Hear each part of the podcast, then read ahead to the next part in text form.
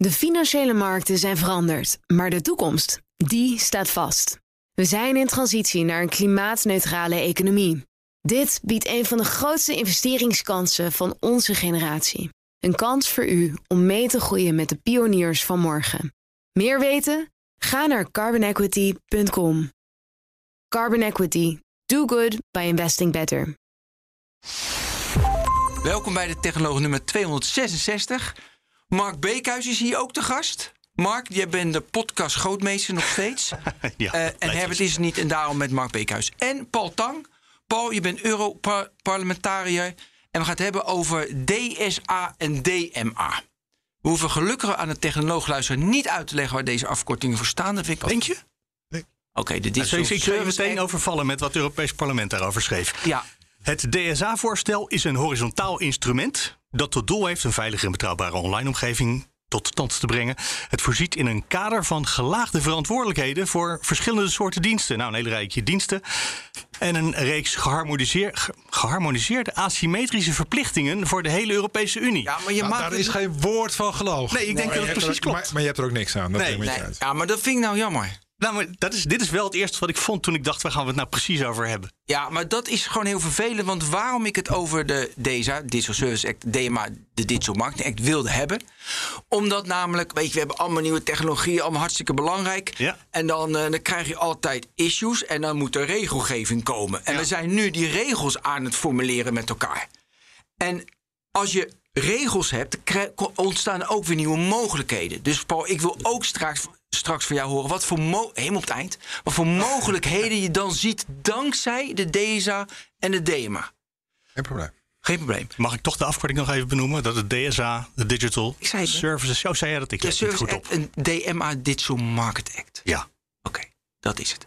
Ehm, maar eerst, en dat vond ik ook wel leuk, want ik wilde, ik had in mijn voorbereiding, we gaan het heel kort hebben waarom, want het is voornamelijk voor big tech, eh, partijen boven de 45 miljoen active users per maand, toch? Ja. Ehm, dat aan mijn hoofd is heel slecht trouwens. Eh, daarvoor is het bedoeld. Maar, en ik wilde niet wat nu het probleem is van Big Tech. Maar het is zo leuk dat ik het nu met Mark deze week doe. Want Mark Die dat meteen van- voorstelde. die stelde gelijk voor: moeten we niet beginnen wat het probleem eigenlijk is van Big Tech? En ik heb van: nee, dat weten we onderhand wel, de technoloog luisteraar. Maar ik vraag het je toch, Paul, wat is het probleem? Want ik denk dat jij een originele antwoord hebt. En voordat je gaat antwoorden, moet ik ook je nog even meer introduceren. Jij bent Paul Tang. Wij hebben nu 266 afleveringen gemaakt. Je bent hier nog nooit te gast geweest. En hoe vaak ik al heb gehoord. Jongens, jullie moeten Paul Tang uitnodigen, want dat is echt een koning. Dus de lat ligt voor jou heel erg hoog. En we gaan dat eerst zien of je een heel mooi antwoord hebt waarom de vraag Ja, van precies. Want ik stelde die vraag voor en ik kreeg als antwoord... dan krijg je allemaal clichés. Dus Ja. je weet ook meteen wat de lat is. Ja, wat is er mis? Wat is het probleem? Nou, je kunt ik zal het misschien anders uitleggen dan ik alles zelf anders doe. Ehm, wat mij, ik heb deze week, de afgelopen week, ook weer eh, de tijd gehad om wat studies eh, erbij te pakken. Het fijne van reces is dat eh, parlementariërs ook weer eens wat kunnen lezen. Ook boeken, maar ook, ook stukken. En wat mij opvalt is dat veel van de problemen worden vaak geleid tot technologie. Terwijl het heel vaak gaat over markt en marktmacht. En ik heb weer eens gekeken naar de markt voor digitale advertenties. En ook de geschiedenis gelezen hoe Google die markt heeft veroverd. En die markt is sowieso heel ingenieus. Hè, het systeem voor, eh, met, eh, waarin in milliseconden een advertentieruimte wordt aangeboden. Een veiling wordt gehouden. En een advertentie wordt, eh, een adverteerder en een advertentie wordt gevonden. Gaat in milliseconden, zodat wij geen lege ruimte krijgen op ons, op ons scherm. Maar het interessante is dat Google, die helpt, die organiseert de veiling. Maar organiseert ook de vraag door adverteerders. Organiseert ook de, de vraag door aanbieders. De, de, Ja. de websites zoals eh, van uitgevers. En eh, oh ja, biedt zelf ook nog ruimte voor advertenties. Want ze hebben ook nog bijvoorbeeld YouTube en andere plekken waar je kan adverteren. Dus die hele markt is. De hele keten hebben ze. Ze Het hebben ad management systeem. Alles in handen. Ja. Enorme verstrengelingen van, eh, van belangen. Enorme macht om zelf tarieven te bepalen. Buitenstaanders bij de deur te houden. Dat is, en ik, ik las dat en ik was toch wel weer eigenlijk verbijsterd over. Je weet het, maar als je dat opnieuw leest, heb je toch Ja, weer van. maar verbijsterd ook dat er al die jaren dus daar eigenlijk niks aan gedaan is.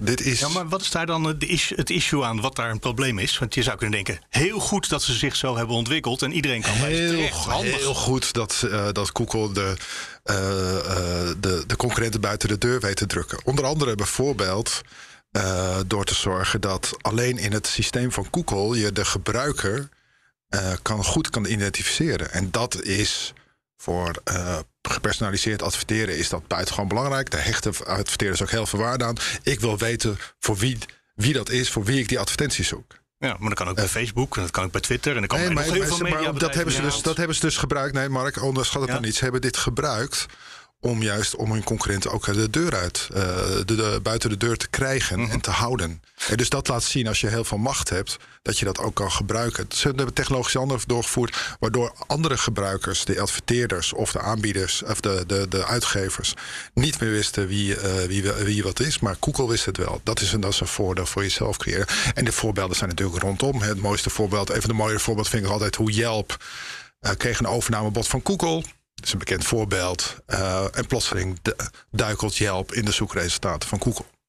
Niet meer te vinden, want Yelp wilde niet ingaan op het overnamebod van Google. Wees niet naïef daarin. Dit, is, mm -hmm. dit gaat over macht en gebruik van macht. Ja.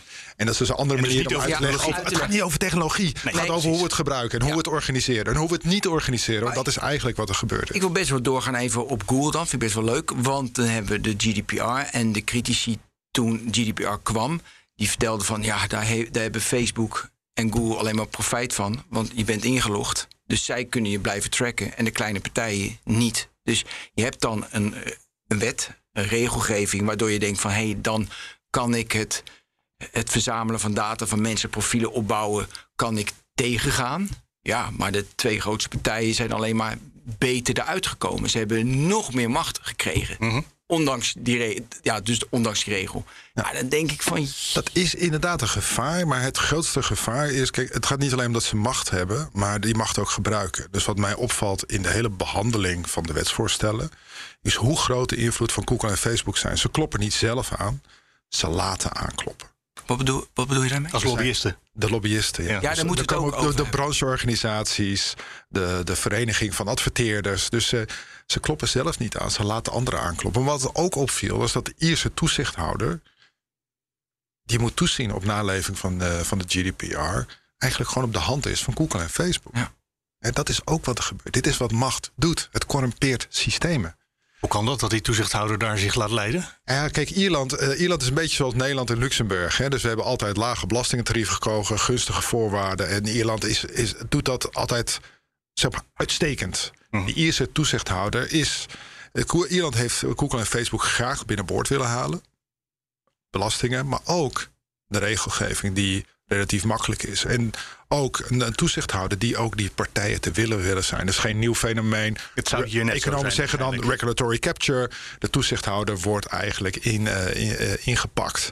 En dat, uh, dat is precies wat, precies ja, wat gebeurt. Maar bijvoorbeeld even naar Nederland, want dat is Ierland. Ik begrijp echt niet dat onze autoriteit persoonsgegevens Facebook gewoon niet aanpakt.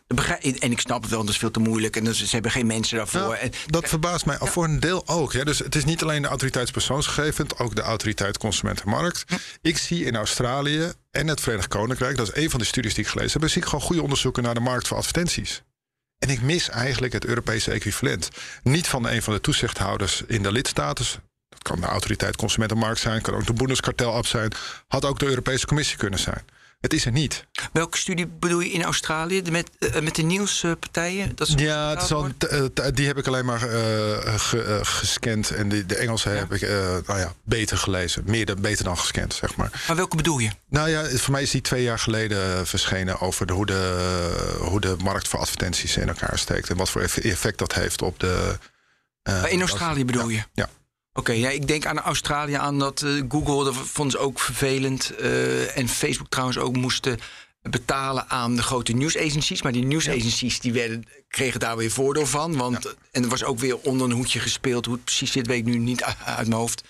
Maar de, ik vind dus dat... En vind ik wel leuk dat we met GDPR begonnen. Een wet vanuit Europa. Ja. We dachten onze privacy beschermen. Hartstikke mooi. Toch, Mark? Ja, ja. Eigenlijk zeg je, GDPR heeft niet goed gewerkt. Gaat dit wel werken? Dat zit volgens mij onder die vraag. Maar Ja. mag ik dan zeggen, eh, GDPR heeft niet goed gewerkt? Nee, GDPR is niet goed gehandhaafd, zou ik ervan willen maken. Dus, eh, dus eh, ik denk nog steeds. En dat, dat, en dat is gek genoeg een van de. dan gaan we toch naar de, de, in dit geval de Digital Market Act springen. Ja. Wij stonden voor, dat, voor de opgave hoe komen we tot een, een brede meerderheid in het Europees Parlement die zich keert tegen het, het verzamelen en gebruiken van persoonlijke data. Waarom wilden we een brede meerderheid? Omdat het Europees Parlement moet naar de hand in onderhandeling met de landen. Je hebt het Europa van de burgers, dat is het Europees Parlement. Je hebt het Europa van de landen, dat zijn de lidstaten, vertegenwoordigd door de ministers. Die moeten het eens worden. Pas dan is een wet aangenomen. Dus we wilden een sterke positie hebben. En dat betekent ook dat, betekent ook dat wij eh, ons juist gebaseerd hebben bij het tegengaan van die handel in persoonlijke data op de GDPR. Dat is bestaande wetgeving waar ook veel Ja. waar het parlement al mee heeft ingestemd. Dus dat was de basis van ons compromis. Maar de kern ook daarvan is, is dat nu de handhaving voor de acht grootste bedrijven wordt gedaan. Niet door de Ierse toezichthouder, maar door de Europese Commissie.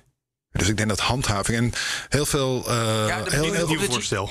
in het nieuwe voorstel, het DMA, dus eigenlijk wat wij doen om die handel in persoonlijke data te beperken, eh, is de GDPR in de, een deel van de GDPR in de DMA stoppen, maar dit keer wordt die gehandhaafd worden.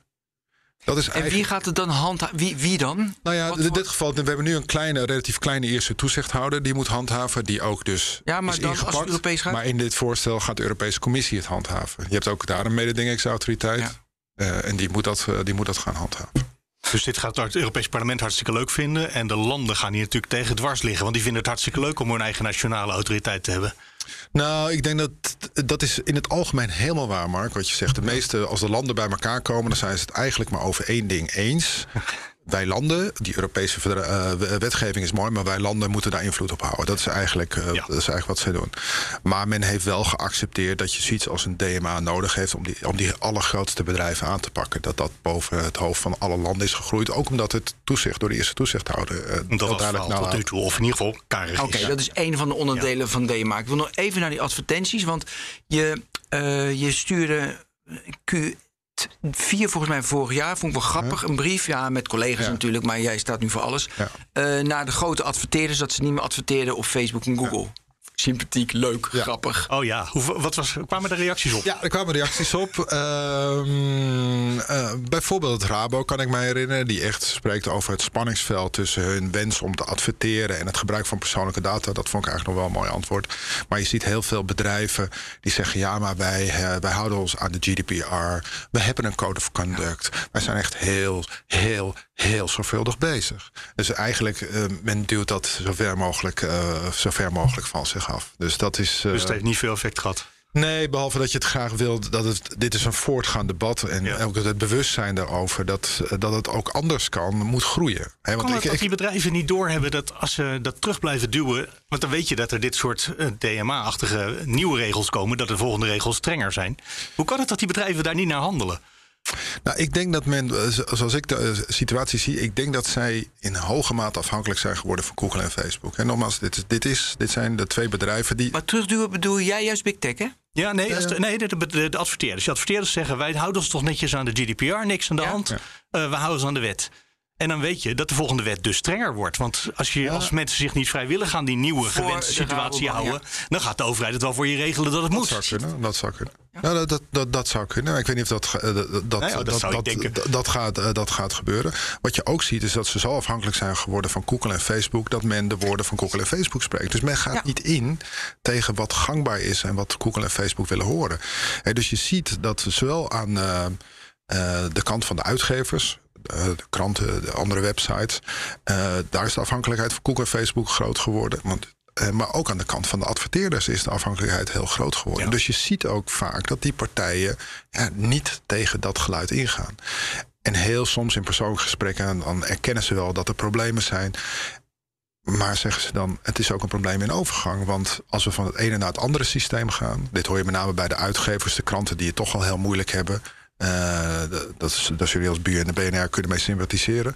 Ja, ik bedoel, Echt niet, we gaan als een tier in de man. ja, uitstekend, maar goed. Nou, jullie, dit jaar zeker, ja. Nee, nee, dit jaar, dit jaar gaat goed, maar jullie hebben ook minder Het begin van de coronacrisis was even anders. Ja, precies.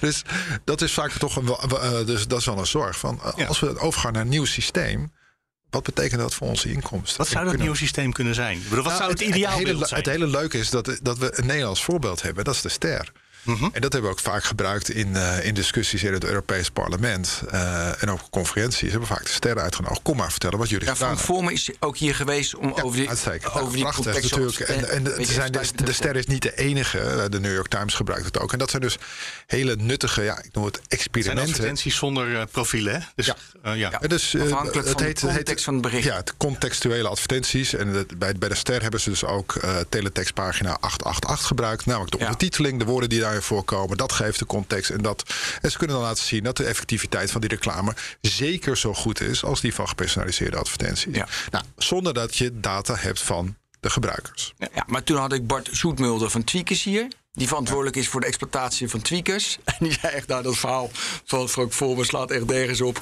Het ligt veel genuanceerder. Je haalt er veel meer uit als, je, als mensen wel inloggen. En dat ik een beetje een profiel opbouw. Dat ik weet een beetje wat ze willen. Ja, maar er is één ander probleem wat, wat daar meespeelt. Hè. Dus wat je. eh, stel, een adverteerder wil zich richten op Volkskrant-lezers of BNR-luisteraars. Het probleem is als die data gedeeld zijn. hè, Stel dat ik altijd bekend sta als een BNR-luisteraar Volkskrant-lezer, hoef ik niet meer naar de site van BNR of Volkskrant te gaan om de advertentie te krijgen. Dat kan ook bij nu.nl verschijnen. Of ergens anders. Dus je verzwakt je eigen merk daarmee. Want die data die worden gedeeld en die komen, in- Ja. die komen uiteindelijk binnen bereik van Google en Facebook. Dus je verzwakt je merk enorm. Dus ik geloof heel stellig dat je inderdaad de, de- wat veel, eh, wat bijvoorbeeld de New York Times heeft gedaan, volledig betaald nu, volledig afgesloten. Eigenlijk op lange termijn zich veel meer gaat uitbetalen. En het gekke is nog eens precies wat Facebook ook doet. Hè. Je kan niet zomaar zoeken op Facebook. Facebook deelt als een van de weinige bedrijven deelt de data niet. Hey, zie jij iets, dus jij zegt, de contextual adverti- wordt- advertisement is dan het alternatief. Je zit ook in een, eh, in jullie bouwen een raamwerk voor basis over eigen data, Europese zelfsoeverein identity framework. Framework moet een gouden standaard worden en is weer onderdeel van het Europese blockchain service infrastructure. Ik zie als nieuw model, maar dan denk ik wel over tien, tien jaar dat we geen data meer hoeven, eh, ho- hoeven te verzamelen. Omdat transacties op het internet of waar ik naartoe ga, dus ook een transactie in de blockchain, kleine token, weet je, dat, dat, ik het zo ga doen. Ja, dat is fantasie, weet ik. Nee, dat is geen fantasie. Dat, is helemaal geen fantasie. Ik weet dat iemand als Jaron Lanier is daar een groot voorstander altijd van geweest. Van Nee, maar het is nog van- theorie. Het is een mooi het- verhaal, maar, maar... micropayments. Maar ik ben ook Ja. in principe daar een voorstander van. Want het leidt tot een directe relatie tussen mijn betaling en de dienst die ik krijg. En dat verbaast me zo over deze markt. Het is zo ondoorzichtig en zo indirect geworden. En dus eh, omdat het allemaal gaat via advertenties waarmee ik betaal voor mijn persoonlijke data. Er is geen directe relatie meer tussen de data die ik geef en de Een dienst, hele, dienst hele die ik krijg. basic, misschien wat dommere vraag. Maar als je iets in de blockchain stopt, dan kan toch iedereen meelezen? Dus dan ben je toch je data niet met één bedrijf, maar met alle bedrijven Ja, in de nee, wereld dus ik, ik denk ook niet dat dat, is- Dat, dat, eh, dat is het grote nadeel van blockchain lijkt Ja. me ook. Dus, eh, Ik weet niet of je daar nou meteen... Ja, je ziet daar veel in, Ben, maar ik... Nee, nee, nee, nee. Ik, denk zit dat meer ik- aan drie, eh, weet je, Nee, maar voor mij ging het meer over de, micro, de micropayments. Ik denk die directe relatie tussen aanbieder en, eh, en, en gebruiker lijkt me echt heel erg welkom.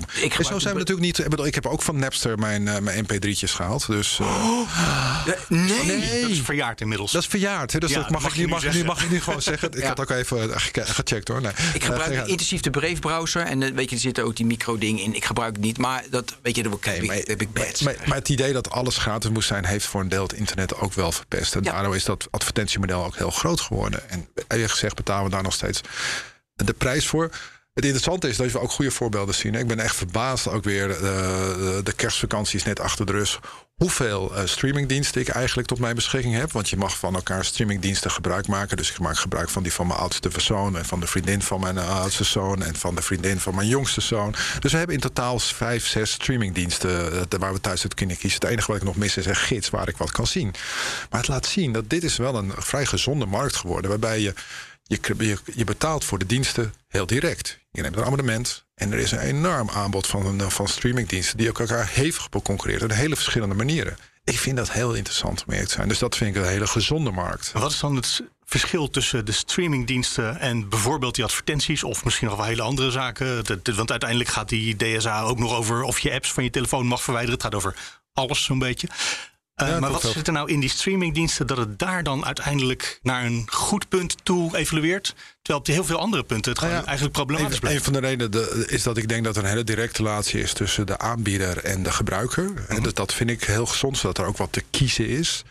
Eh, en maar meer in het algemeen, daarom begon ik mijn verhaal ook te zeggen dat Google en Facebook die markt voor digitale eh, advertenties volledig domineren en blijven domineren, hè, als zolang er niks verandert. En dat is natuurlijk, eh, en dat was bij. Op het moment dat Netflix kwam, wist ik ook niet zeker of die markt zou worden opengebroken. hè. Dus dat kan je niet altijd van tevoren zeggen. We hebben maar drie aanbieders voor, eh, voor, eh, voor telecom. Eh, ja, dat is blijkbaar wat net kan. Zou het bij de streamingdiensten anders gaan? Gelukkig is het anders gegaan. Dat is niet helemaal vooraf te zeggen volgens mij. Je ziet daar ook verschillende producten ontstaan. Maar je zegt Netflix een aanbieder, maar Netflix is toch eigenlijk ook een platform. Bedoel, ze, ze hebben ook nog een productiebedrijf voor series en films. Maar Nou, is het Eh, een platform, maar niet in de manier waarop, een, eh, waarop Facebook een platform is, toch? Nee, maar- het is niet een, een tweezijdig platform. Het is, het is een aanbod van. Het is eigenlijk een aanbod van, van tv on demand. ja, nou ja, als je bij, eh, bij YouTube kan ik zelf mijn eigen video online zetten. Ja. En bij Netflix, ik weet niet met wie ik het contract zou moeten sluiten, maar dus daar, daar zit iemand tussen die dat filtert voor mij, die dan de Ja. toegang tot de 10 miljard mensen die dat misschien wel willen zien eh, gaan bekijken. Dus daar zit een soort platformfunctie in, die Ja, oké. zoiets. Ja. Hangt even Maar, van maar, maar, maar niet. Ja, het hangt vast af van de de definitie van definitie- platform. ja, daar ging ik nu precies. gelijk op aan. Ja, precies. En platform is natuurlijk juist precies zeg maar tweezijdig. Eh, wat ik nog even naartoe wil, en dan wil ik even serieus... wat gaat de DSA doen, wat gaat de DMA doen? Maar voor hoe ver staat het nu met die eh, ESSIF, de Self-Sovereign Identity Framework? Hoe ver zijn we, de Europese blockchain service infrastructuur? Hoe ver zijn we? eh, de, Nou, zoals we, ik het begrijp, kijk, in de zomer eh, van, de, van 2021 heeft de commissie een voorstel gedaan voor EID. En dat gaat er eigenlijk over dat eh, er een digital wallet gebruikt kan worden. Ja. Ik zie jou kijken. Of ah, ik heb Imra. Ja. Nee, Im, hoe heet ze? Ja, ja, Irma, ja, Irma, ja, Irma, Irma, Irma, Irma. een digital Iedereen. wallet ge- gebruikt kan worden voor, voor in de leeftijdsverificatie of voor het, eh, het openen van een bankrekening in België of voor. Het leuke was, ik ging mijn boosterprik halen. Ja. En ik denk, ik doe expres niet mijn identiteitsbewijs. Ja. Ik laat Irma zien. Ja, oké. En Geaccepteerd. cool. Dat vond ik zo Ja. cool, vond ik dat. ja, dat is wel cool. Oké, sorry, want ik onderbrak je. Ik was zo enthousiast erover. En, nee, nee, dat is heel, heel, goed. Want dat is echt wat, wat, we, wat we missen. Bijvoorbeeld, zeker leeftijdsverificatie kan me dood ergen. Hè? Ik bedoel, ik kan, eh, je, kan, je kan sigaretten, alcohol kan je als, eh, als minderjarige niet krijgen. Maar als je op het internet gaat, kan je echt alles, eh, kan je weer alles krijgen. Omdat je ook niet naar leeftijd. Ja, je moet aanklikken dat je 18 plus bent. Maar ja, Nederland is, Nederland is dit betreft gewoon achterlijk. Ja, dus... Achterlijk. Maar Paul, we hebben het hier al echt vijf jaar over. Oh, sorry. Maak ik het Ja, ik kan me daar blijven over Ja, opwinden. ook. Nee, maar we hebben het al vijf jaar over van... uiteindelijk moet je de beheerder zijn over je eigen data. En heel veel mensen kunnen dat niet beheren enzovoorts. Nou, iedereen langs geweest. En we zijn nu eh, op 4 januari nemen we dit op. 2022 alweer. Ja. En ja, ik heb dan Irma, haha, wat een leuk spelletje. Maar het is er nog steeds niet. Het is nog steeds allemaal niet. Weet je, ik heb niet dat ik even makkelijk kan zien van die data heeft Facebook, die moet ik oproepen. En het is allemaal poepdata, dus voor mij klopt dat helemaal niet. En ik, ik heb geen inzicht in- het, het algoritme. Daar gaat de DSA verzorgen, dat weet ik. Maar het is, dus je bent nu met, eh, daarmee bezig. Dus ja, En wat ik bij de EID zie op dit moment, hè, zoals ik het begrijp, is dat de Europese Commissie eigenlijk voorschrijft dat landen zorgen dat er een Europees uitwisselbaar systeem is. En dat is het. Ze geven de consumenten het recht om. En vervolgens is het aan de landen of aan private partijen in die landen om te komen tot een systeem, zoals Irma. Maar er zijn alternatieven, zoals, blo- zoals blockchain. Nou, en, da- en daar ontstaat de discussie. Maar die ligt eigenlijk veel meer op het niveau van landen dan op het niveau van Europa, die alleen zegt: we hebben een raamwerk die ervoor moet zorgen dat je in België. Een of in horizontaal Spanje- instrument, hè? Ja. ja. Heel goed. Ja. oké. Dat vond ik nog steeds niet weten. Zullen, we, zullen we nu serieus gewoon Ja. over de DSA gaan beginnen? Want we hebben het Laten al aange... Hm? Ja, laten we. Laten we dat doen. Eh, jij begon met een verschrikkelijk citaat. Eh, mijn, eh, to- toch? Van, Ja, ja, van- nou, ik, ja, ik van vind het een onbegrijpelijk citaat. Ja, Als je hoopt dat mensen inspraak gaan houden, zou ik het anders schrijven. Wat, wat ik, ik heb hem gewoon opgeslagen en af en toe kijk ik erin. Is, is van het Raad nou, van het Raad nou Instituut een mooie Ja. samenvatting wat het is. Ik vond het een heerlijk document. Lekker overzichtelijk. Misschien voor, nou, voor ons even te herhalen wat, wat de DSA, wat zijn de hoofdlijnen? Het, zijn, het zijn eigenlijk twee zusterwetten waar we het over hebben: de DSA en de DMA. Eh, en het DSA gaat eigenlijk over transparantie. Die moet zorgen voor veilig verkeer op het internet. En dat gaat over met wie doe ik zaken. Maar ook als er illegale inhoud is. Hoe kan dat worden, hoe kan dat worden gevlacht? En welke actie volgt er dan? Enzovoort, enzovoort. Bij de Digital Market, dat is de Digital Service Act, gaat dus over transparantie. Uh, uh, en ook daar zit trouwens, dat is wel niet onbelangrijk, daar zit ook de transparantie in van de algoritmes. Daar moet, ja, moet ja, daar gaan we zo over risk assessment. Ja, ja. Dus DSA is transparantie, DMA is echt reguleren van marktmacht. Het gaat over de acht grootste bedrijven, gatekeepers, poortwachters. En die uh, krijgen regels opgelegd die eigenlijk zeggen dat ze hun macht niet in hun eigen voordeel mogen gebruiken. Dus dat ze een eerlijke marktpartij moeten zijn. Dat is eigenlijk de hele simpele samenvatting van, die, van die wet. Dat is de context. Ja, dan gaan we nu even bijvoorbeeld de transparantie van het algoritme. Um, bijvoorbeeld het algoritme van YouTube, dat moet dan transparant worden. Maar het heeft invloed als nu uh, bijvoorbeeld er, uh, uh, het gaat sneeuwen. Dat heeft invloed op het algoritme van YouTube. Want dan gaan meer mensen naar sneeuwfilmpjes kijken. Dus je kan zeggen, ik maak het transparant wat het algoritme moet. Dat gaat YouTube natuurlijk nooit doen. En het heeft invloed op wat er gebeurt. Dus ja, je kan het transparant maken, maar die, ja, je weet uiteindelijk de uitkomst niet. Want dat is menselijk gedrag. Wat moeten ze erover melden? Want ja. zo'n algoritme is een groot en ingewikkeld wiskundig model. Wat, wat moeten wij daarvan nou ja, kunnen zien? Want we mogen vast niet bedrijfsgeheimen lezen. Nou ja, dat is het argument wat, die, uh, wat, uh, de, wat het techbedrijf zullen ja. gebruiken. ik, dacht ik ben daar niet, ik ben daar niet zo, uh, ben daar niet zo bang voor. Wat wel een interessante vraag is hoe dat moet worden gedaan. He, er is een uitgangspunt van ethical AI. He, het mag dus bijvoorbeeld niet discrimineren. Dus je moet kunnen aantonen dat je het algoritme niet discrimineert. Dat is even. Zo zijn er meer algemene principes. Mag ik ja, nee, tuurlijk, ja, tuurlijk. Hoe gaan ze dat aantonen? Precies, dat is een interessante vraag. Nou, ik weet dat niet precies hoe dat technisch ook moet. Ik heb dat, die gesprekken ook wel gevoerd met de kenners. Die kijken ook. Het doet mij. Mag ik een vergelijking uit mijn eh, wat verre verleden nemen? Ik, ik, heb, ik ben bij het Centraal Planbureau geweest. Rekenmeesters van de Rijk. Werkten we met grote modellen. Alleen maar de manieren om de eigenschappen van die modellen. om die zichtbaar te maken. We hadden manieren bedacht om te zeggen: oké, dit en dit zijn de eigenschappen voor. Zodat je de buitenstaanders ook kunnen begrijpen wat het model precies behelst.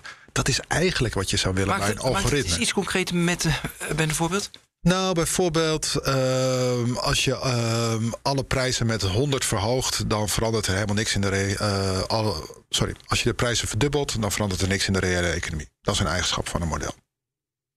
Want alles is, alles is verdubbeld. Ja. Dus dat verandert eigenlijk niks. Hooguit inflatie. Maar ja, dat, maar, ja, maar als je inkomen en uh, elke verdubbeld is, als alles is, is, is, dat niet erg. Dat is een eigenschap van het model. Hm. En, en, dat kan je laten zien aan de, uh, aan de hand van een aantal varianten. Dus we hadden wel manieren gevonden om die eigenschappen duidelijk te maken. En zo zou je dat eigenlijk ook willen met de algoritmes. Algoritmes zijn iets ingewikkelder, omdat ze, net wat jij zegt, ze zijn inter, interactief. en ook misschien niet helemaal meer in de hand van degene die ze ontworpen heeft. Betekent niet dat je geen eigenschappen kan vaststellen. Wat je eigenlijk doet, wat we bij een model was, een kleine verandering in het model. En dat leidt, dat laat zien welke eigenschappen heeft. Zo zou je het eigenlijk ook bij algoritmes, denk ik, dan moeten doen. Daar put ik even uit mijn verleden. Ja. Uh, je kleine varianties en dan zie je wat, wat, wat voor eigenschappen die, uh, die hey, algoritmes Ik heb het even bijgepakt, want ik heb het ja. voor me even makkelijk voor me. Er staat voor alle diensten bij de DSA transparantieverplichting waar het over hebben, middels een jaarlijkse rapportage over gedane inspanning voor het modereren van online content. Dat staat er dan in, hè? Ja. Dan denk ik, joh, dan maakt een, maakt een jurist een mooi rapportje en dan zeggen ze, kijk, wij hebben heel erg goed. Dit is onze jaarlijkse. Ja, ze gaan zichzelf controleren, de bedrijven. Ja, of het kan niet van buitenaf. Maar er komt natuurlijk ergens op papier. En dan op een gegeven moment blijkt dat Facebook zich toch weer misdragen heeft. En dan gaan wij van de journalistiek erachteraan. Nee, maar dan zeg je, maar ik, heb, ik heb voldoende. kijk eens hoeveel inspanning. Ik heb weer 40.000 mensen aangenomen die mijn content modereren. Nou, zo'n 40.000, dat is het. Nou, goed uh, gedaan. En ondertussen blijven we met die filterbubbels en de polarisatie enzovoort. Ja, nee, dat, dat, dat risico is zeker. Ik denk ook niet dat transparantie het probleem van marktmacht of de commerciële motieven uh, gaat wegnemen of de commerciële motieven mm -hmm. verandert. Alleen het is wel een begin om inzicht te krijgen in de black box. Dus in die zin ben ik daar positief ja. over. Denk ik dat het de markt radicaal verandert? Antwoord nee, denk ik niet. Maar het is wel een welkome eerste stap. Maar als je dit zegt, want ik kwam heel veel commentaar tegen op dit uh, ja. voorstel is eigenlijk dat bijna alles wat je op papier gezet is, niet radicaal genoeg is. Ja. Dat zou heel goed kunnen. Dat, dat, is het gevaar nog ja, steeds. Van allerlei wetenschappers, onder andere Ratenau die dit ook ja. opschrijft, maar ook mensen bij de Universiteit Utrecht die daar. Nee, en dus een van de dingen die ik ook interessant vind, wat het dus in de. Dus de, de, die risk assessment, sorry voor de. eh, Ah, prima. mag dat? Eh, in de- Risico-inschatting. risico-inschatting van de algoritmes in de DSA. Ehm, maar bijvoorbeeld in het DMA voegen we ook interoperabiliteit toe. Wat ik wel interessant vind. Thema. Want interoperabiliteit wil eigenlijk alleen maar zeggen dat je die silo van die bedrijven probeert open te trekken. Dat die bedrijven technisch moeten toestaan dat de concurrentie mogelijk is. En Dus dat ik van Signal een berichtje naar iemand op WhatsApp en dus je kan een privacy-vriendelijke signal kan je gebruiken eh, om een berichtje naar een WhatsApp-gebruiker Ja. te sturen. Dat gaat mogelijk worden vanaf dat gaat mo- dat zou, 2023. dat zou mogelijk moeten worden. Maar wat ook interessant Serieus, is. maar dat, want Nee, dat maar heb ik echt dat- nergens zo hard horen zeggen. Nee, dat zou mogelijk moeten Oh, worden. dat- nou, het gaat tijd kosten, want het zit in. Oké, het zal Ja. niet 2003, eh, 2023 zijn. Het zal even duren, zelfs nadat de wet is ingetreden. Want er moeten wat technische Ja, eisen worden. Maar staat dat er hard in? Ja, Op dit ogenblik nog, Ja, als nee. ik gelezen heb. Ja. ja. ja, nee. Ik, Maar er denk wordt dat natuurlijk dus- nog onderhandeld. Dus het is, Nee, het is nog onderhandeld. laatste Ik, dag ik, ik, vertegenwoordig nu even de positie van het Europese parlement. Het Europese parlement wil dat. Ja. Laat ik het zo Wil dat, ja. Ja. En nu moeten we onderhandelen met, eh, met de Raad. Maar het andere is, wat er ook in staat in de positie van het Europese parlement, is dat het eigenlijk mogelijk moet zijn dat er andere aanbieders voor een tijdlijn komen.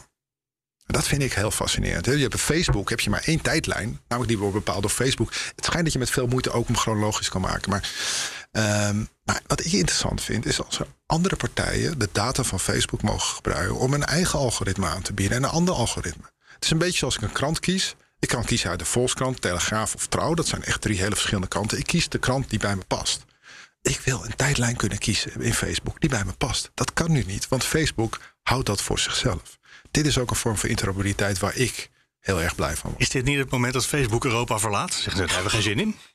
Nee, want je komt wel, nee, want je komt wel aan hun verdienmodel. Ja, dus ja, dat is maar dan zeggen ze toch, ja, sorry, dat- met de krant Prima. eh, in Australië, waar je het net over had. Daar zeiden ze ook, oh ja, dan laten we gewoon geen kranten meer toe op Ja, maar Facebook. ik, ik, ik denk dat op enig moment het besef bij Google en Facebook wel zal indalen dat hun verdienmodel sowieso onder vuur komt te liggen. Het is, Dus ze als hebben- politicus moet je optimistisch zijn, hè? Die, dat is waar. Dat is volgens mij de kern. Ja, misschien is dat het wel. Bij mij is optimisme geen gebrek, zeg maar. Ik geloof altijd dat het kan.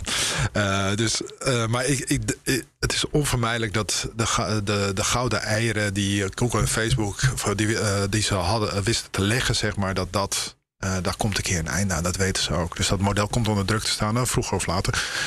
Maar het gaat naar een hart van een verdienmodel. Ja. Prima. Dus maar dat is ook, dat is ook nou nodig. Ik vind NOS of even, BNR nog even terug. BNR of NOS mogen dan de timeline volgorde bepalen of filteren wat je wel en niet ziet in Facebook. Maar nog even terug, hè, helemaal aan het begin wat ik zei over de marktmacht. Want dat, wat voor implicaties heeft dat ook? Dat betekent op dit moment dat van elke digitale advertentie, elke euro die besteed wordt aan een digitale advertentie, gaat zeker de helft gaat naar Google en Facebook. Ja, Dat is veel. Meer dacht ik zelfs. Tussen Meer, toch? persoon. Ja, soms de, de schattingen lopen Ja, uiteen. ja, dus, in eh, Amerika, ik maar het- zelfs 20, ik wilde Amazon Nee, nee. noemen, 20% Amazon in Amerika. Maar, Nee, Amazon is enorm in opkomst ja, inderdaad. het is- Eh, in Amerika met name dan. Eh, maar dat betekent dat het niet naar de gewone media ook gaat. Hè? Dus dat is, dat, is het, dat is het grote. Dus er zijn de tussenpersonen. Je zou zeggen, cut out the middleman in dit geval. Dat is, maar dat moet er vroeger of later een keer gebeuren. Want het gaat ook ten koste van de traditionele media. Ja, dus een hele concrete is inderdaad dat je van Signal naar WhatsApp kan. Dat is mooi. Het tweede is je tijdslijn dat de NOS eh, in je Facebook... De, dat ik de NOS-tijdlijn heb. Ja. Of de Mark of die van. Ongehoord Nederland mag ook. Ja, ongehoord. Nee, allemaal prima. Heb je nog een hele concrete die de DMA... wat een consequentie is van de DMA? Nou, een van waar wij zelf. moet ik wel even om lachen. Om, eh, ik zal het uitleggen waarom. eh, Waar we hard over onderhandeld hebben, was dat eh, over de default settings van de telefoon. Ik moest even lachen, want ik kreeg de blikken van mijn collega's. Ja, maar dan heb je een volledig lege telefoon. Ik zeg, nou, dat valt wel mee. Wat je graag wil, is dat bij het eerste gebruik van de, bijvoorbeeld van een telefoon, dat er een keuzemenu komt, dat de gebruiker kan kiezen uit, uit verschillende opties. Want we weten dat de default opties Welke browser? welke, welke browser staat al geïnstalleerd als standaard browser is heel bepalend. Sterker nog, Google betaalt eh, Facebook, of, eh, sorry, Apple milieu, vele miljarden om te zorgen dat Google. eh, de, de, de Google Google Search, de Google Ja, Search ja, daar de dominant, Ja. eh, de, de standaard eh, zoekmachine is. Nou, dus, Google betaalt Apple, hè? ja, Google betaalt Apple om eh, de, Om geen concurrentie te hebben. ja, eigenlijk alleen maar door de default setting. eh, Ja. Alleen maar voor de default setting, want je kan het waarschijnlijk wel veranderen. Eh, ik heb geen Apple phone. Maar ik neem aan dat je het kan veranderen. Ik- ja, het wordt hier bevestigd. Je kan het veranderen. Ja, Eh, sinds kort. hè. Het is ook een. Ja, ja, is het pas sinds kort? Ja, dat is. eh, Eén of twee jaar? ik denk. Nee, nog korter om. Korter. Oh, oké. Niet eens één of twee het, jaar. wordt nu, het wordt nu opgezocht. Het is echt kort. Ja. Maar het laat zien hoe belangrijk dat is. Maar- En, dus ik had een discussie met mijn collega's overleg. Telefoons hebben uitgelegd dat het niet zo is. En dat is nu ook in de positie van het Europees Parlement beland. Dus dat is wel, het zijn van die. Ja. Ja, het, lijken denken. kleine dingen, Ja, maar het, nou. of technisch. Maar ik heb, eh, eh, nogmaals, Google betaalt vele miljarden voor Apple voor, de, voor dit voorrecht. Maar dit, doet een Apple- beetje- dit doet een klein beetje denken aan hoe het ooit liep met Internet Explorer. De roemruchte browser van Microsoft. Die is er via Europese rechtszaken. Hè, is Microsoft gedwongen om niet automatisch Internet Explorer te installeren en op het scherm te zetten. Oké, dat is na een hele tijd is dat er doorgekomen. En binnen één of twee jaar had iedereen ineens Chrome. En is dat de dominante, niet aan te pakken partij. Zit er ook niet iets in het internet waardoor er gewoon altijd weer een volgende dominante partij moet komen? Nee, maar waar. eh, Oké, maar dat is de vraag. Hè. Dus, dus kortom, is voor mij een vraag. probleem waarom, is, waarom is Google Chrome de dominante browser geworden? Dat is, e- ja, maar Dat is misschien nog even de vraag. Val- Valt het probleem überhaupt op te lossen? Of zit er iets internet, in het internet waardoor dat helemaal niet eigenlijk ik, ik, denk, is? ik denk dat, om eerlijk te zijn, ik ben econoom. Zo ben ik opgevoed. Ik denk Mhm. dat je elke markt moet reguleren. En wat, ik, wat mij opvalt, is dat er al twintig jaar vrijwel geen regulering van deze markt is geweest. Mhm. En dus dat Hoe komt dat eigenlijk? En economen, even, heel even, mijn, eh, even de punten van mij. Economen weten dat concurrentie erop gericht is om concurrentie uit te schakelen. Ja. En daarom moet je de markt eigenlijk altijd reguleren. Sorry. Hoe komt het volgens jou dat, er dat het niet gereguleerd is, het internet? Ja, dat is een goede vraag. Ehm, ik denk dat er op eh, enige moment ook een, ja, een denkbeeld was dat we bedrijven met rust moeten laten, zeker de bedrijven, die connect the world, die, eh, die zoveel innovatie en zoveel eh, verbeteringen brachten. Dus dat was ook een, een tijd van Het terughoudendheid. terugtrekken van de overheden, van regelgeving, Thatcher, Reagan. Da- dat gecombineerd met het, en gecombineerd met het verhaal van Silicon Valley dat men bezig was de wereld te verbinden. hè. Maar had natuurlijk ook een geweldig verhaal. En waar politici niet zo snel in tegenin eh, zou, zouden durven. er ook gewoon met ideologie. Dat het internet was het nieuwe vrij, de nieuwe vrije wereld. En als je dan te- tegelijkertijd terugtrekkende overheid hebt. Ja, En we hebben allemaal een stem op het internet. Weet je, iedereen heeft een stem. Het is decentraal. Het is- ja dat is het dus niet meer. Dat is het Nee, daarom. En toen was is, ooit decentraal. En toen kwam er ineens kwamen er platforms zoals Facebook. ja, en dan Die is het helemaal niet zo decentraal zijn. Nee, en nu wordt het, zie je weer langzaam die initiatieven, de Web3-bewegingen, dat het weer decentraler wordt. Ja. En uiteindelijk wordt dat waarschijnlijk weer. Dus dat zeg jij, is het fundamenteel in de haarvaten niet? En misschien is het altijd zo, hè, dat decentraal centraal zie je bij organisaties. Ja. Dan moet alles weer vanuit Londen gedaan en dan is het weer de lokale opkoos. Dus dat zie je ook overal.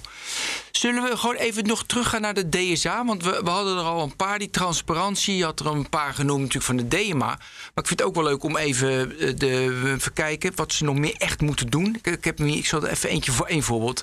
Ehm, ja, wat ik op, wat er staat, ge- gebruikers informeren over de mo- motivatie voor het verwijderen of toegankelijk maken van geplaatste of gedeelde informatie. En dat is een interessante, vooral nu. Weet je, je ziet dat ik ben, eh, ik, ik moest van Twitter en eh, kan je het goed duidelijk maken of ik van Twitter ga.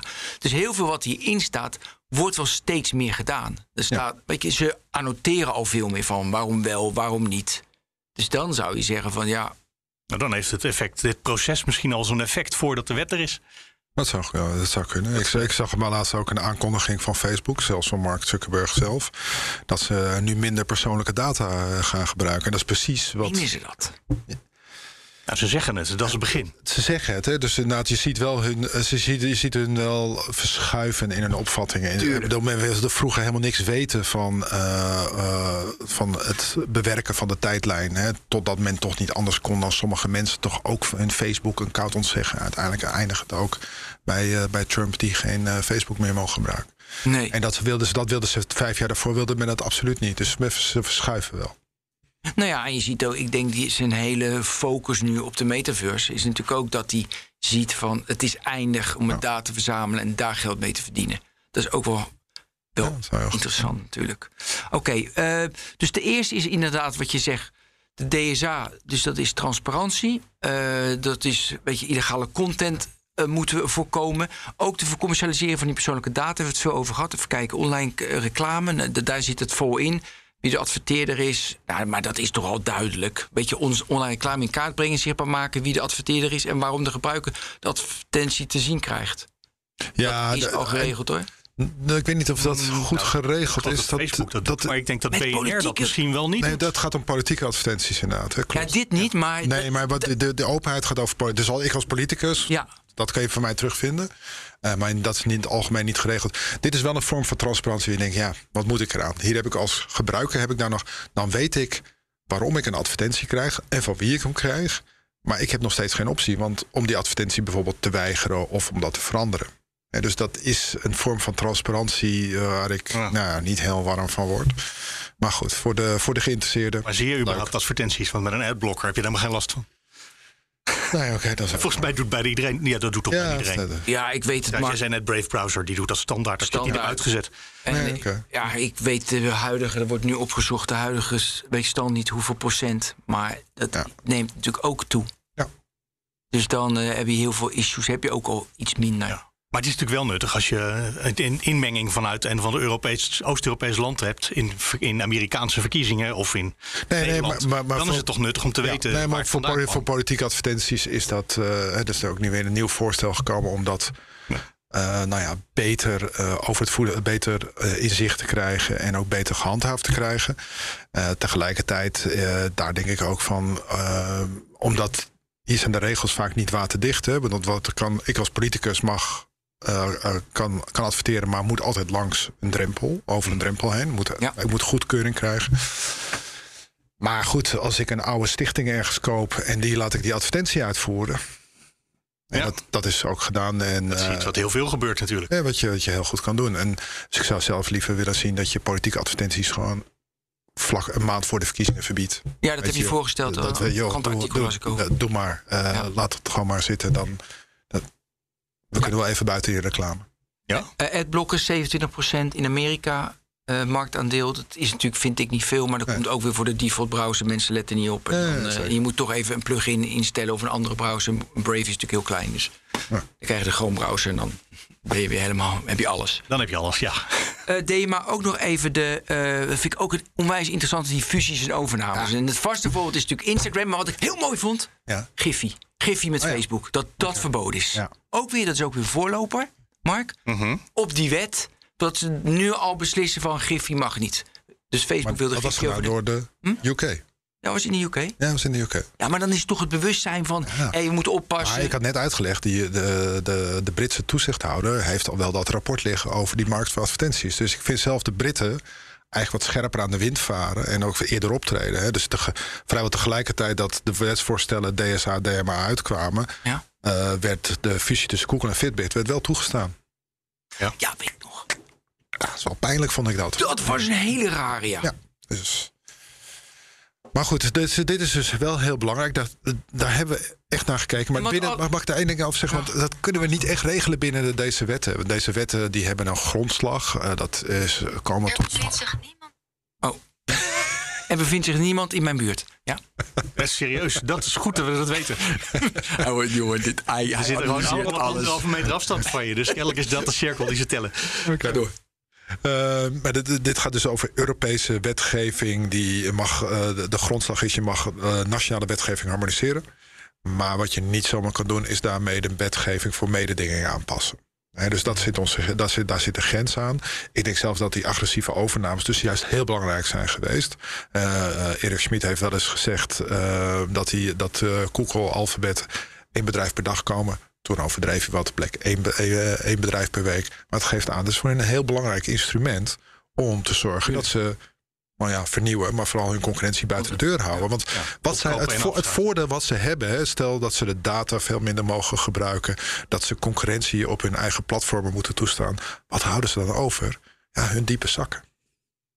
Ja, Dat is nog steeds veel waard natuurlijk. Ook, bedoel, daar kan je dingen mee maken die dan weer met de dan geldende regels komen.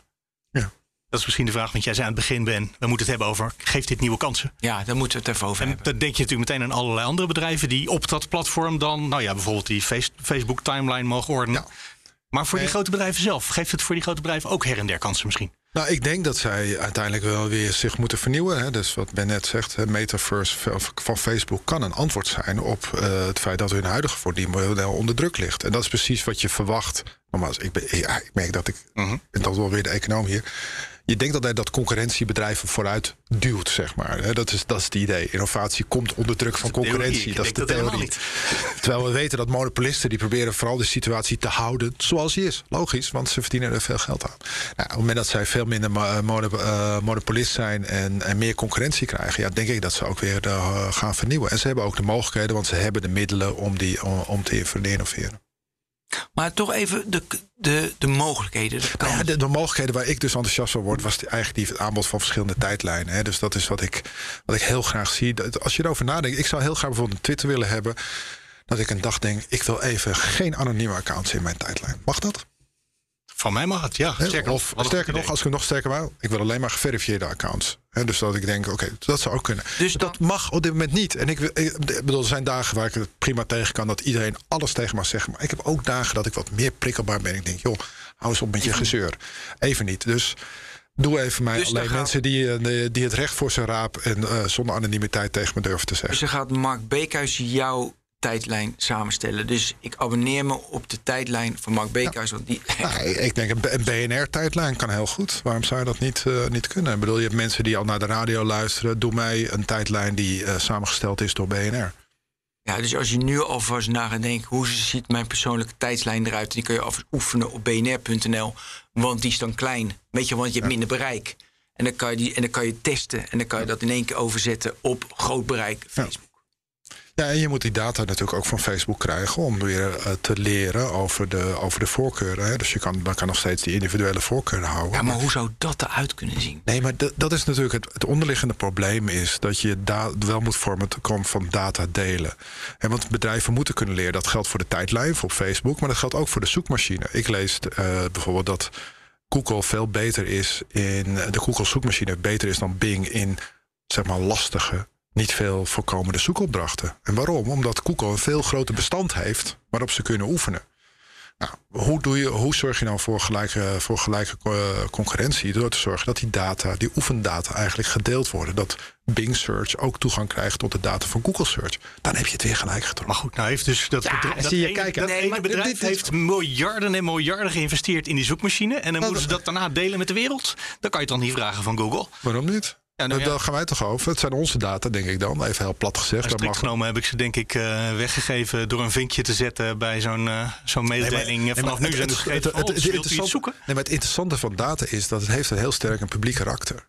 En want de, de marginale kosten van ter beschikking stellen van de data is namelijk nul. Hè, die data kan je altijd reproduceren. Dus het is de kosten, de maatschappelijke kosten van het delen van data zijn nul.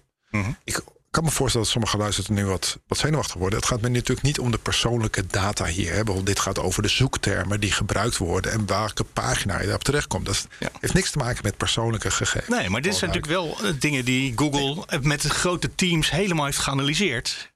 Voor heel veel geld. Nee, want ze, hebben, zijn- ze, ze hebben gewoon heel veel data verzameld. En ze hebben nog hun monopoliepositie kunnen gebruiken om steeds meer en meer data. Dus dit is, is zichzelf in stand houdende voorsprong op, op die manier. En als dat zo is, hè, als we het net over hadden, kan het zo zijn dat een markt tendeert naar één aanbieder. Dan is het moment om in te grijpen. Dan maak je er een publiek monopolie van. Dan neem je Google in staatshanden. Ja. Eh, ik bedoel, als, als, je, als Google dat niet wil, kunnen we ook proberen om die data dan maar te delen met, eh, met Bing Search. Van 2-1. Of je deelt ze met Bing Search of we nemen u over. Dat is de keuze die Google heeft.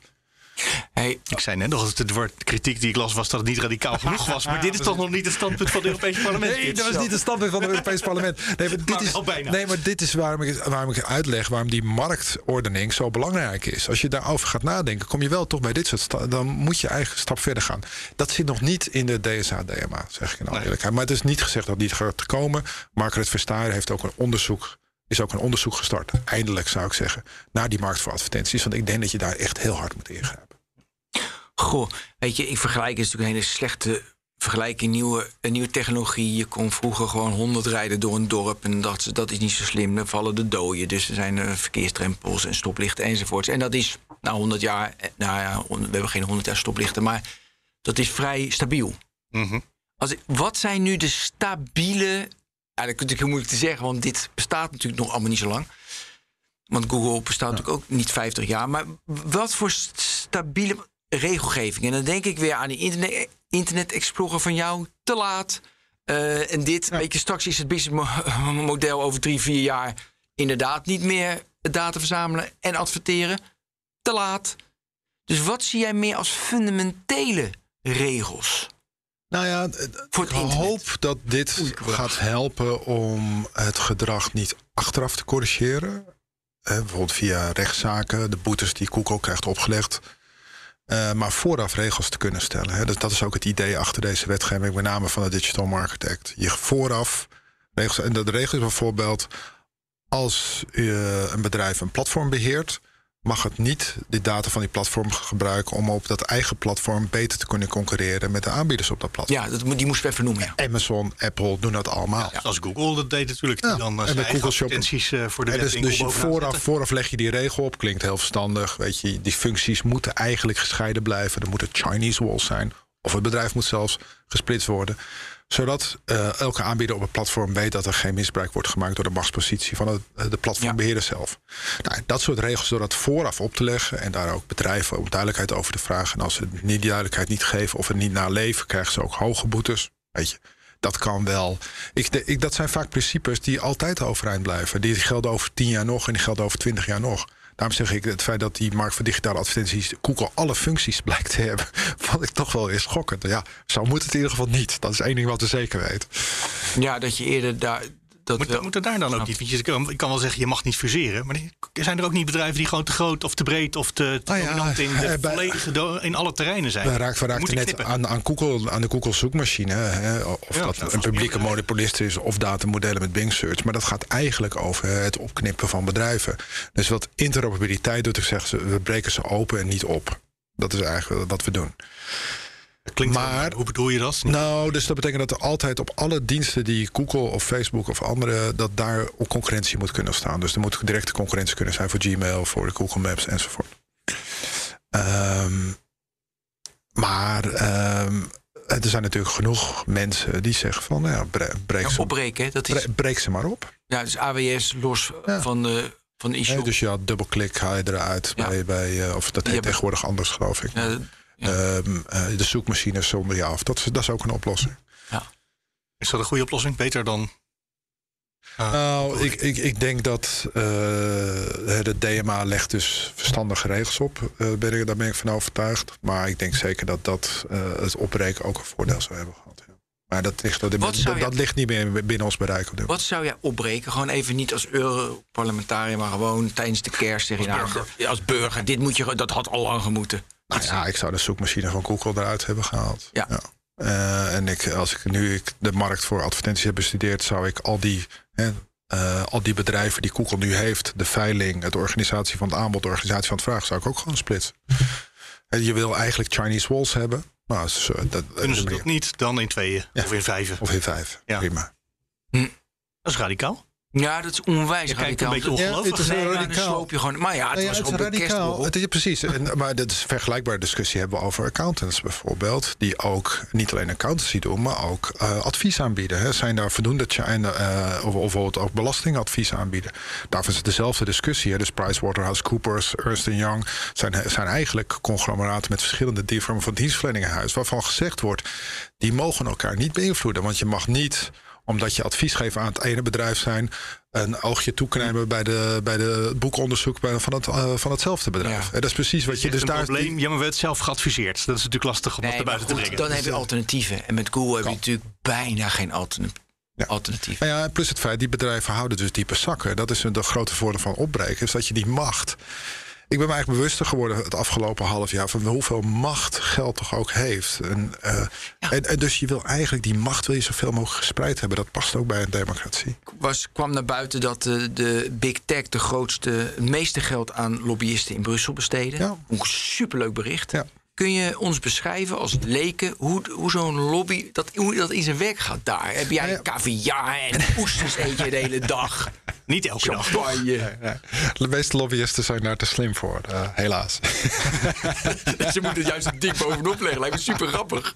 Ja, Met de Mercedes S-klasse voor. die willen allemaal gewoon een sober kopje koffie eh, en niks Ja, meer. precies. En, eh, ik bedoel, en, nee, nee, vroeger, ik, ik vape nu, maar ik, ik rookte vroeger, maar zelfs de tabaksindustrie heeft me nooit een sigaretje aangeboden vroeger. Dus dat is altijd, dus, dus dat is wel slim eigenlijk. eh gespreid beter van. Ja, jammer. Bovenop, ja. Maar eh, ik was, kijk, op zichzelf dat, dat er in Brussel gelobbyd wordt, is dat, is, dat, is voor, dat is niet zo vreemd. Dat is, is hartstikke logisch. In, in Brussels worden de regels voor de markt bepaald. Natuurlijk zijn er brancheorganisaties en bedrijven. Dus er komen veel verzoeken tot koffie. Maar gesprekken. En dat kan je als parlementariër kan je die aangaan of die kan je afhouden. Staat je volledig vrij. Je kan er naar luisteren of niet. Staat je volledig vrij. Maar wat hier gebeurt bij, bij Google en Facebook, ze hebben al die brancheorganisaties hebben ze beïnvloed. En dan niet alleen die, die zij vertegenwoordigen, want er is geen brancheorganisatie voor Google en Facebook, maar ook de adverteerders en de uitgevers. Want hoe merk je dan dat ze maar ook dat dus de eerste het woord van Google voeren of het woord van Facebook? Hoe wij zie je nou, dan omdat ze omdat zij omdat, omdat zij omdat zij uiteindelijk zeggen nee dat gepersonaliseerde advertentie dat is echt heel heel waardevol. Ja, maar dat kunnen ze ook zelf vinden. Dat hoeft niet per se nee, overgenomen dat, te zijn. Dat, hoeft niet per se. Maar ik heb net al gezegd, onderhand geven ze wat toe dat ze natuurlijk ja, dat is waar. de overgang enorm vrezen. Dat ze bang zijn om hun inkomsten kwijt, uh, kwijt te raken. En dat is natuurlijk ook spannend. En bijvoorbeeld, uh, wel, ja. we hebben Digital NL, uh, die, die heeft dan, dat is een organisatie waar ook Google en Facebook zijn vertegenwoordigd. Die laat daar een onderzoekje uitvoeren door Erasmus Business Center, echt een flutonderzoek. Waarbij MKB'ers worden geïnterviewd over het belang van, uh, van gepersonaliseerde advertentie. En dat daarom de DMA zo slecht is. Weet je, dat is wat er gebeurt. Dat betekent, oh, het leidt er ook toe dat VNO-NCW, het gaat verder, een brief gaat schrijven over dat, dat er geen verbod moet komen op gepersonaliseerde advertenties. Dat je, Sturen ze die eigenlijk aan jullie of aan de, nou, aan deze, de regering of de Tweede de, Kamer? Deze werd aan mij gestuurd in ieder geval. Ik ben zo geëxplodeerd. Ik zeg jullie helemaal van de rattenbesnuffel dat jullie nu een Amerikaanse monopolie aan het verdedigen zijn. Wat is welk belang zijn jullie hier nu? Ja, enzovoort, enzovoort. En? Wat zeiden ze? Uh, dat, was, uh, dat, was, dat, dat, nee, dat was, was, was even een pittig gesprek. We kennen elkaar natuurlijk. Het was wel even een pittig gesprek. Maar ik vond het. Ja, ik, ik, ik denk dat ze het wel, de boodschap wel begrepen. Snap als jouw verbazing? Want ik, denk, ik denk dat men niet helemaal door had dat hoe de boodschap die zij verzonden hebben, die ze, hoe, die is, uh, hoe, die, uh, hoe die zou kunnen worden gebruikt. Zeg maar. Dat is mijn inschatting. Dus, dus de een, truc is, je gaat bij een, de DDMA, de Data Driven Marketing Association. En dan heb je nog allemaal van die, uh, de DDA, de Dutch Digital ja, nou, ja, Association. Heel veel afkortingen. Heel veel afkortingen. En de, en de hoe heet dat ook, die, uh, de Data Centers Association Netherlands. Daar, gaan, daar zitten ze in. Dat stimuleren ze zijn kennispartner van de DDMA. Ja. En, en zo beïnvloeden ze ons. En hoe vaak gebeurt dat? Dat ze zeggen, het wordt toch weer eens tijd voor koffie, want iets. Ja, kijk, ik drink niet zo heel veel koffie. Dus, nee, met, met, met, nee. ja, dus ik bedoel, ik heb wel eens met Apple afgesproken, wel eens met Facebook afgesproken, maar gewoon om te horen. Ja, dat is wel Ja, gaaf. dat je gewoon leuk. met al die slimme gasten kan Uh, praten. maar dat is voor de rest, ja, ik weet haast al wat ze gaan zeggen. Ja, Toch natuurlijk. leuk om even dat gesprek aan te gaan.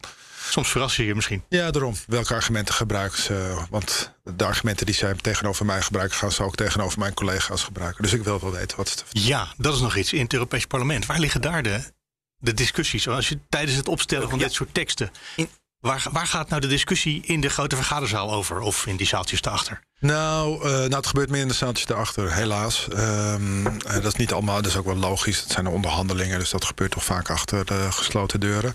Eh, een van die, eh, over veel was, was het Europees Parlement. Interoperabiliteit was me- tot mijn verrassing was eigenlijk geen probleem om daar een vrij ruime meerderheid voor te vinden. Ehm, en dat is misschien ook wel logisch, eh, want ook eh, het recht, de rechterdeel van het Europees Parlement denkt: ja, concurrentie, dat is goed. Vrije markt, mooi. Vrij marktmarkt. Eh, de echte, echte moeilijkheden ontstonden bij, de, bij het gebruik van persoonlijke data. En dan is het verhaal over ehm, dat ehm, dit ook goed is voor het midden- en kleinbedrijf. Gaat dan wel een rol spelen. Hè. Het midden- en kleinbedrijf is toch wel het stokpaardje van heel veel politici. Je wilt toch niet die hardwerkende mama's en papa's eh, voor het hoofd stoten. Dus en daar zie je de aarzeling. Dus dat was eigenlijk moeizaam. En dat is ook waar Facebook enorm op heeft Ja, ingespeeld. en nu hebben ze een hele campagne. We hebben hele campagnes. Dus op het moment dat wij bezig zijn met onderhandelingen, dan zien wij die campagne voorbij komen. Dat gaat niet alleen op Facebook, het gaat ook op Twitter, het gaat in de kranten. Ja, in de kranten, grote, kra- grote advertenties, van, in de kranten. Ze helpen echt Maar alle ook alle blaadjes, nieuwsbrieven, websites die veel gelezen worden in de Brusselse bubbels, komt het steeds voorbij. Steeds voorbij. Wij zijn goed voor het midden- en kleinbedrijf. Ja. Hart voor wijn. Ik had er echt nooit van gehoord. Ik heb, ik heb de- deze afgelopen week eens gekeken. Dat was een de favoriete Nederlandse voorbeeld. Ze heeft nog steeds maar eh, niet heel veel likes op Instagram. Twa- Iets meer dan 1200. Zou Dus dat moeten? Zou toch Hart moeten? Ik voor denk, wijn? Hart voor wijn. Ja, dat is waar Facebook mee eh, adverteerde. Ja, ik probeer ze zoveel mogelijk te Ja, nee, ja, ik, ik heb deze advertenties juist een keer bekeken. Ja, En in Italië had men een uh, opticien uitgekozen die, uh, die in, het zonnetje werd gezet. En uh, als onderdeel van deze, deze campagne. Dus daar zie je dat. Maar dat heb ik echt nog nooit meegemaakt. Hè. Dus veel maak je mee koffie maak drinken. Maak je zorgen. Dat, lees je daar terug. Ja. ja, maar dat, dat, heb je ook gezien bij de, het conflict tussen Apple en, en Facebook. Mm -hmm. En op het moment dat Apple de optie introduceert dat gebruikers nee kunnen zeggen tegen tracking schiet Facebook echt uh, uit de slof. Mhm. Mm -hmm. En komt weer, dan weer met hetzelfde verhaal. Ja, maar wij zijn goed voor het midden- en kleinbedrijf. Dat is echt letterlijk wat Mark Zuckerberg dan schrijft in een blog. Ja. En dus Apple die, die gaat tegen al die hardwerkende mama's en papa's in. Dat is het verhaal van Facebook. Nou, en daar zie je, maar daar zie je dus wel. Sociaal bedrijf. En daar zie je dus wel dat, dat in het Europees parlement, zeker aan de rechterkant van het parlement, echt twijfel gaan staan. Ja, maar we willen niet het midden- en kleinbedrijf uh, schaden. Dus daar, Dus dat, daar dat, komt was, was echt, echt een ja. moeilijke discussie. Maar wel gewonnen. Ja, maar op een manier, hè, dus uh, de weg die voorwaarts is om Ja, hand, handhaving van de GDPR. Ja. Dat was niet, bij voor, dat was niet mijn eerste voorkeur om eerlijk te zijn. Ik denk dat we verder hadden kunnen gaan. Maar goed, dit is een goed compromis. Hey, hoe, uh, want we zijn bijna aan, Ja. aan het einde. Waar staan we nu? Waar staan we nu? We zijn nu, ehm, uh, het is nu 4 januari. We, gaan, we hebben afgelopen december heeft het Europees Parlement gestemd over de DEMA. Ja. Die is, de positie van het parlement is aangenomen. Dat gaan we in de derde week van januari doen bij de DSA. Dat wordt nog een interessant gevecht, want dan komen die gepersonaliseerde advertenties weer terug, bijvoorbeeld. Eh, Maar ga ervan uit dat het ook. Oké, dan hebben we de positie. En dan uh, de, de landen hebben positie betrokken. Dat heet de Raad. Uh, en dan komen de landen uh, de, en de, de parlementariërs komen bij elkaar om te onderhandelen over de finale tekst. Dat zal naar alle waarschijnlijkheid in de eerste helft van het jaar klaar moeten zijn. Het Frans, de Frankrijk is de voorzitter van de Europese Unie. Mhm. Is er zeer op gebrand om deze twee teksten ook echt in het komende half jaar af te ronden. Het Europees Parlement ook, want daarna komt Tsjechië. We weten niet zo heel goed, dus we hebben liever Frankrijk. Nee, die Tsjechen, die moet je. Die moet je Sorry, je gaat er helemaal bij sorry. Ja, nee, maar dat mag ik. Sorry, Tsjechische diplomaat. was weer kerst. Sorry. Tsjechische diplomaat. Uh, maar, uh, dus, dus ik heb al goede hoop dat, men, uh, dat we, dat we de, de teksten afronden voor de, voor de zomer. En oké, okay, tekst afronden. En wat ik zo fijn vond bij de GDPR, 18 mei, ik weet het uit mijn hoofd, 2018, dan gaat die komen. Ja. En met hele campagnes om mensen voor te bereiden. gaat allemaal van. Dit zal er iets minder zijn, want het is voornamelijk voor Big Tech is het van belang. Ja. Maar misschien wel voor die MKB'ers. als ze Google op een andere manier. Nee, sorry, als ze Facebook op een andere manier gaan gebruiken. Ja. Dus hoe, hoe, wanneer wordt die dan geïmplementeerd? Dus wanneer gaat die, wordt die van kracht? Wordt dat geruisloos? Of wel dat iedereen het moet weten van hé. Hey, dat die MKB'ers iets mee moeten. Nou, dat is op dit moment nog niet helemaal te zeggen. Want op zich, de, de, de datum van intreding kan ook nog deel zijn van de onderhandelingen. Dus gaan we het goed. Ik ga er van eigenlijk vanuit op het moment dat we hem nu aanvaarden. dat hij ook bij 1 januari 2023 in werking kan treden. Maar het betekent niet alle effecten te zien krijgen. Dus deel, een, een deel van de bepalingen vragen nadere uitwerking door de Europese Commissie voordat ze pas in werking treden. Dat is niet ongebruikelijk bij Europese wetgeving. Vaak is die wetgeving toch wat globaal en moet nog verder worden uitgewerkt. Dat geldt bijvoorbeeld voor de eis voor interoperabiliteit. Dan moeten technische vereisten moeten worden opgesteld, zodat die interoperabiliteit ook daadwerkelijk kan worden ja. doorgevoerd. En dat kost dus even tijd. Ja, want interoperabiliteit kan natuurlijk betekenen dat je rechtstreeks van WhatsApp naar Signal kan sturen. Maar het kan ook zijn dat je al je gegevens van Facebook mee kan nemen en je bij Twitter aanmelden. En dan zeggen, ja. ik ben overgestapt. En dat je dan niet die rechtstreekse ja, link hebt, maar dat je wel de overstap mogelijk maakt. Kan iets, ja, dat, dat, kan dat van alles betekenen. Ja, dat zou ook nog kunnen. Dat laatste, dat ik bij interoperabiliteit tegen het idee dat je ook ja. je berichten zou moeten kunnen sturen op het Facebook naar een Ik Facebook heb dat ook wel, maar. Maar het, het zijn verschillende. Zijn verschillende. Nee, klopt, dat het best wel eens wat langer zou kunnen duren ja, voor maar je om dus om daar duidelijkheid over te schaffen. Dus er staat er in de primaire wetgeving staat, uh, staat de bedoeling, maar het vraagt wel eens nadere uitwerking in secundaire wetgeving. Zo voor je het weet zit je toch in 2000. Ja, dat, dat kost. En dan krijg je natuurlijk weer overgangsperiodes. Ja. En dan krijg je een partij die alle messaging service gaat bundelen, zodat ik vanuit mijn messaging service, ja. service X, kan die zijn er al, maar die zijn ja. hartstikke duur op het ogenblik. Zijn die er al? Ja, ja. ik ben even vergeten hoe die heet, maar er is één dienst die werkelijk alles wat je kan verzinnen oh, wel, wel aan elkaar knipt en plakt. Nee, het is hartstikke duur. Het zegt, ja, nee, dat is, dat is 40 euro per maand of zo. Dat zo graag wilde ik het niet. Ja, oké, okay, dat is. Uh, oh, ja. oké. Okay. Uh, we zijn er doorheen, maar ik heb nog even één bonusvraag. Ja.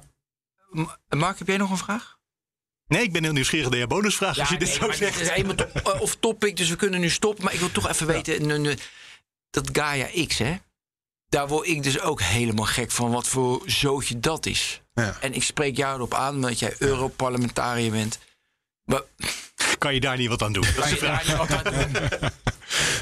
Nee? Ja, Oké, nee. nou, dat was dus de boodschap. Ja, nee, ik, ik zou graag willen dat het wel van grond zou komen. Ik denk dat het Ja, goed is dat er een tuurlijk. Europees alternatief is. Dus het is alleen maar ja, vervelend dat het zo moeilijk is en zo moeizaam, eh, zo moeizaam gaat. Maar je hebt niet eh, een actie. Nee, want de- dat- nee, daar kan je ook niks zinnigs over zeggen. Nee, dat dacht ik wel. Nee, sorry. Jammer. Ja. Oké, nou, we hebben met Bart Groothuis over Gaia X. Ja. Was het op Bart Groothuis? Ja, Ja. Gaia X gesproken. Oké. Interessant. Oké, Paul Tang. Ja. Dank, dankjewel dat je er was. Ja, dank jullie wel. Heel goed. Mark Beekhuis, bedankt. Absoluut. Ja, fijn. Altijd bellen als het even nuttig is. Oké, eh, dit was de Technoloog 266. Tot de volgende Technoloog. En dan is Herbert er ook weer. Dank u wel. Hoi.